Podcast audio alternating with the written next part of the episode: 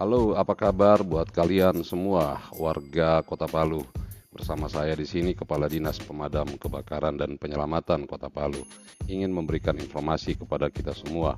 Jika sewaktu-waktu Anda berada di jalan dan kemudian mendengar sirene pemadam kebakaran, tolong agar Anda memberikan akses dengan cara berhenti sejenak, kemudian meminggirkan kendaraan Anda untuk mempercepat dan melancarkan operasi pemadaman kebakaran yang sedang terjadi di suatu tempat.